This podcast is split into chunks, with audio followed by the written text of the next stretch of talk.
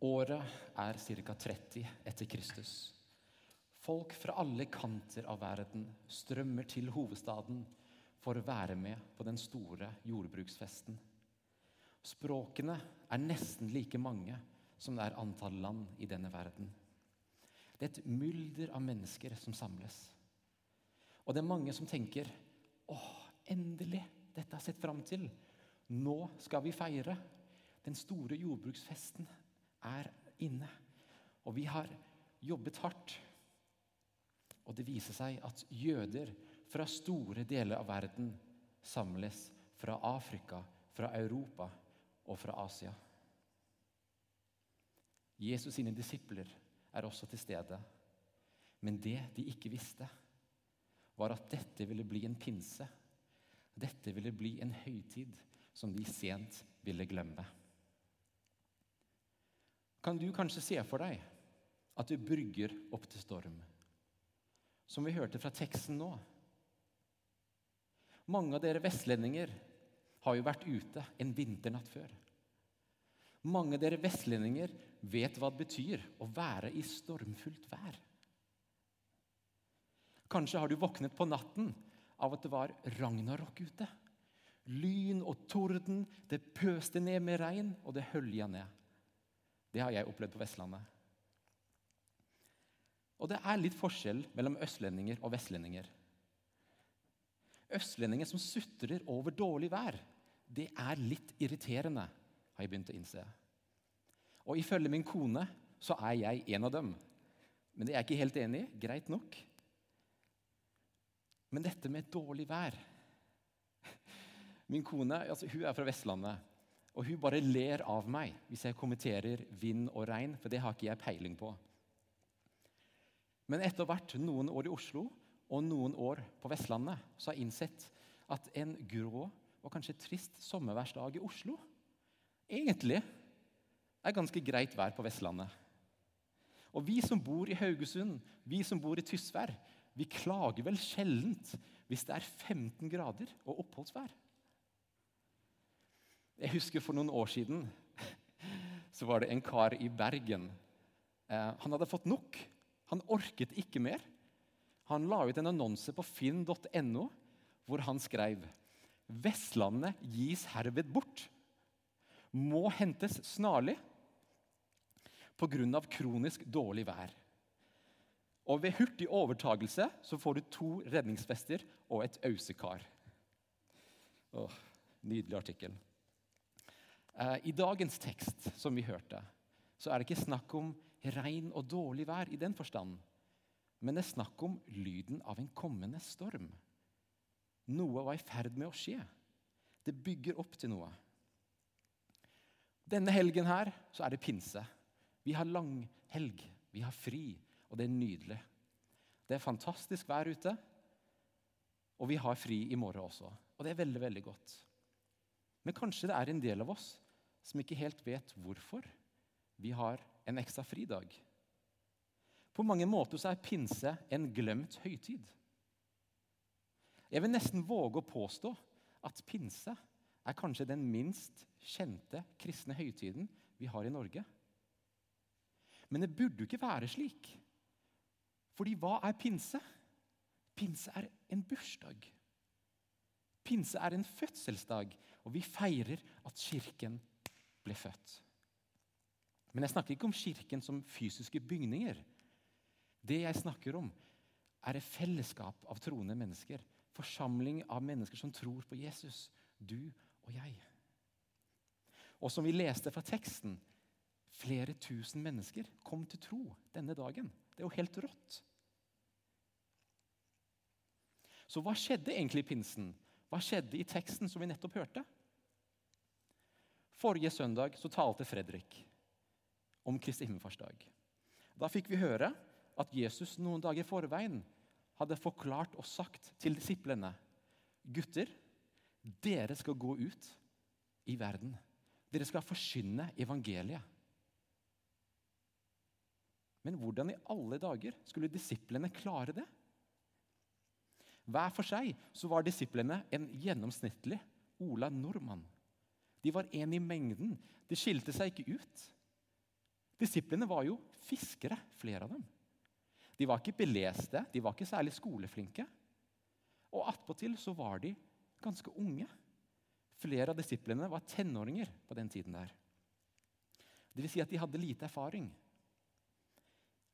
Og før Jesus sa at nå er tiden inne og jeg må reise, så sa han også slapp av, gutter. Slapp av.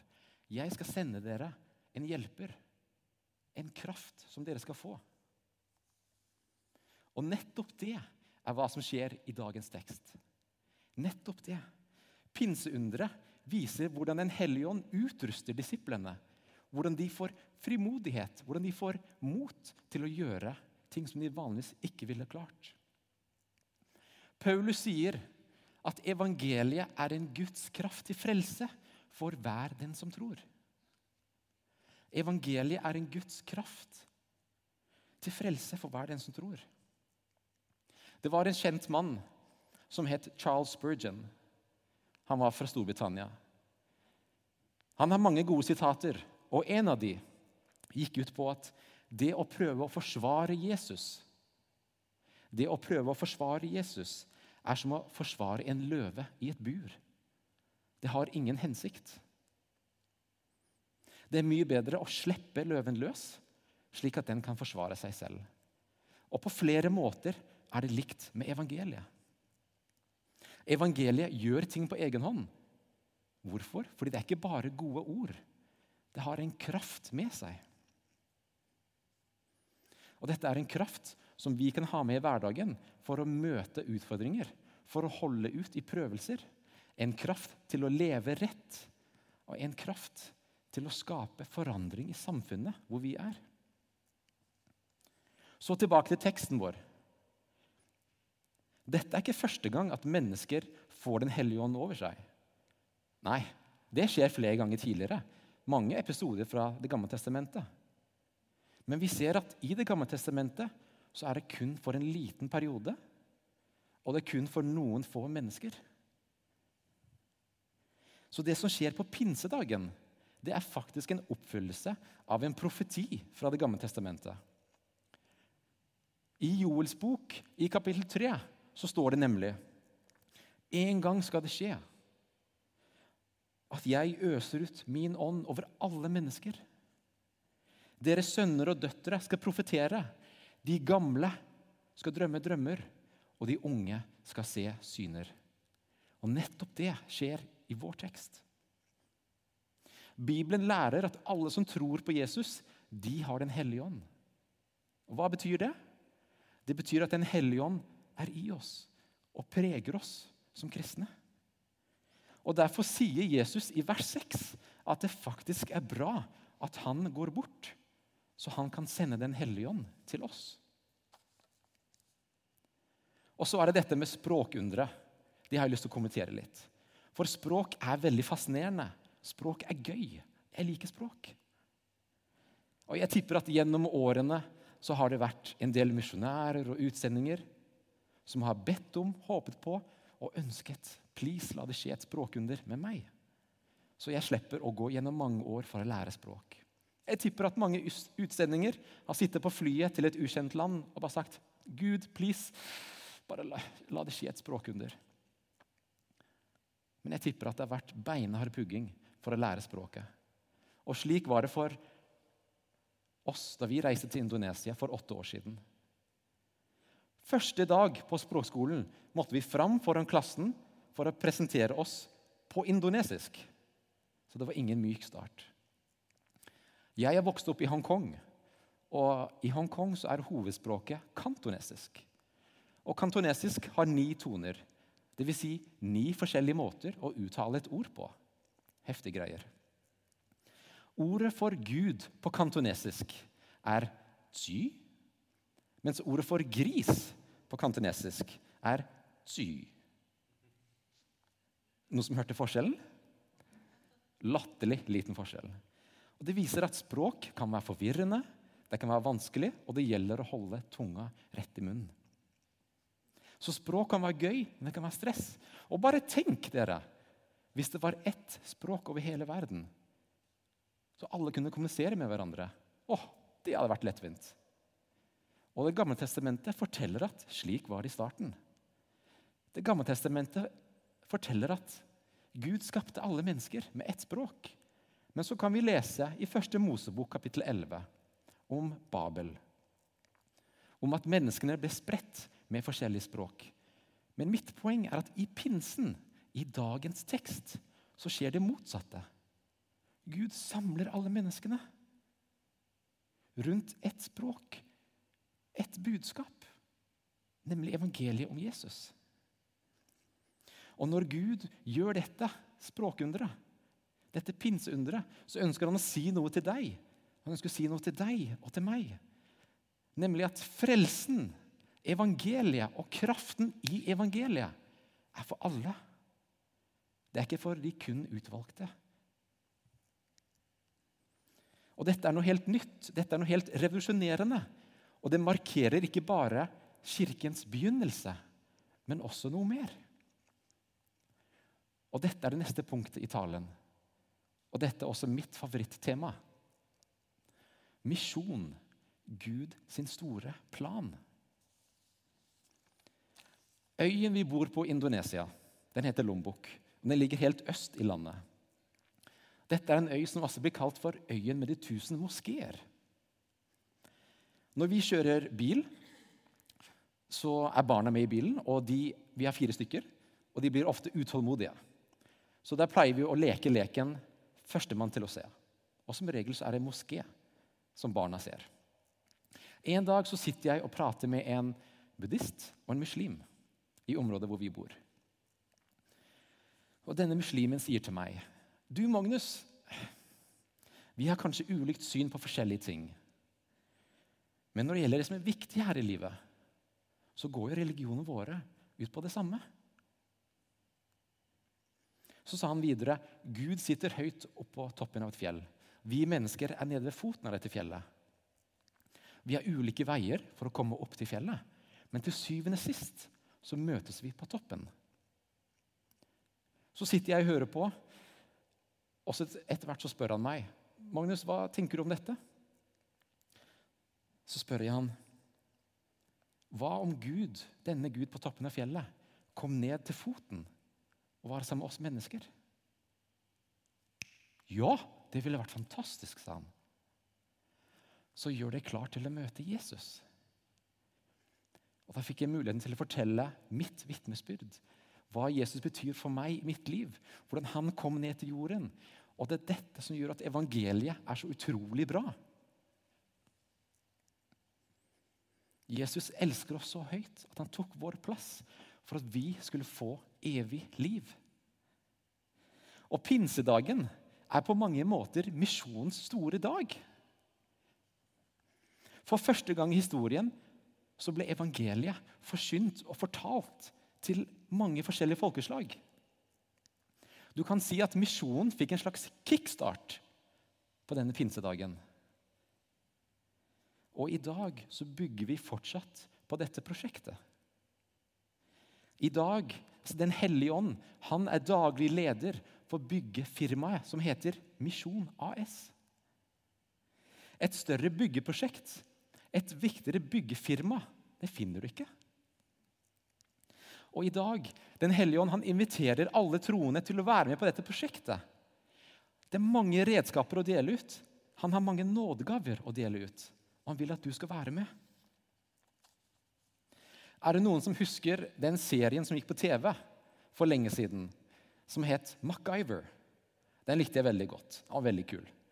Og Han gikk alltid rundt med en liten rød lommekniv. Den var veldig handy.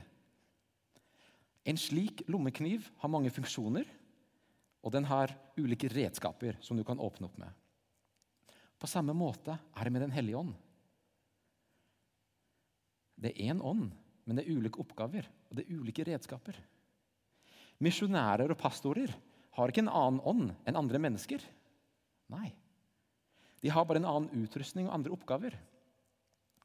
Paulus skriver i brevet til korinterne, første kor 12, så står det det er forskjellige nådegaver, men ånden er den samme.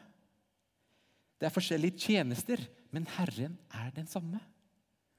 Hos hver enkelt så gir Ånden seg til kjenne slik at det blir til gagn. Så du og jeg er ulike, men vi har den samme Guds ånd. Og Det er viktig å huske. Og gjennom denne hellige ånd så kan vi klare mer enn vi noen gang kunne klart på egen hånd. Fordi det er en kraft. Så det som skjedde på denne pinsedagen, det forteller oss noe viktig. At Gud bryr seg om hele verden. Han bryr seg om alle folkeslag. Men gjør vi det? Er vi opptatt av at absolutt alle på denne jord skal få høre om Jesus? Hva han har gjort for oss? Eller har vi hovedsakelig sørget for oss selv, vår familie, våre naboer og de nærmeste? Og dermed forsømt litt resten av verden? Som en avslutning så ønsker jeg å si det er kun evangeliet som setter mennesket fri. Ja, evangeliet er urgammelt, men det er like kraftfullt som det var for 2000 år siden. Våre tanker og metoder kan endres, men evangeliet forblir uforandret. Alle mennesker i dag bør få muligheten til å høre om Jesus. Alle mennesker. Du og jeg har muligheten til å gjøre noe med det. Du og jeg har denne kraften til å gjøre noe med det. Og Gud han ønsker å forandre våre liv radikalt. Han har store planer for deg og for meg. Og det er viktig at du forstår én ting. Du er ingen tilfeldighet. Du er høyt elsket. De interesser og gaver som du har, det ønsker Jesus å bruke. Du er ingen tilfeldighet. Tviler du av og til på deg selv? Eller tenker du Nei, dette her gjelder ikke for meg. Jeg er jo en helt vanlig A4-person. Dette gjelder ikke for meg. Eller hører du den Hører du janteloven som sier du skal ikke tro du er noe? Du er så høyt elsket av Gud, hvem du enn er, og hvordan du er. Om du lever i åpenbar synd, du er elsket av Gud. Om du er kald eller varm, om du lever et moralsk liv eller i åpenbar synd, du er elsket av Gud. Ja, du som aldri har bedt en bønn. Du som baktaler, stjeler, er uærlig. Du er elsket av Gud. Selv du som hater de kristne. Gud elsker deg med en evig kjærlighet. Så la oss gjøre Guds nærvær om til vår lidenskap. Hvordan? Vær en svamp framfor en stein. Vær en svamp framfor en stein. For hva skjer om du plasserer denne steinen i havet? Du legger den ned i vannet. Overflaten forblir våt. Men innsiden forblir urørt. Og hva skjer hvis du gjør det samme med en svamp? Du legger den i vannet. Vannet blir absorbert, og hele essensen til svampen endres. Gud omgir oss i dag på samme måte som Stillehavet omgir denne steinen. Og da er spørsmålet hvilken respons velger du? Svamp eller stein? Motstå eller motta? Amen.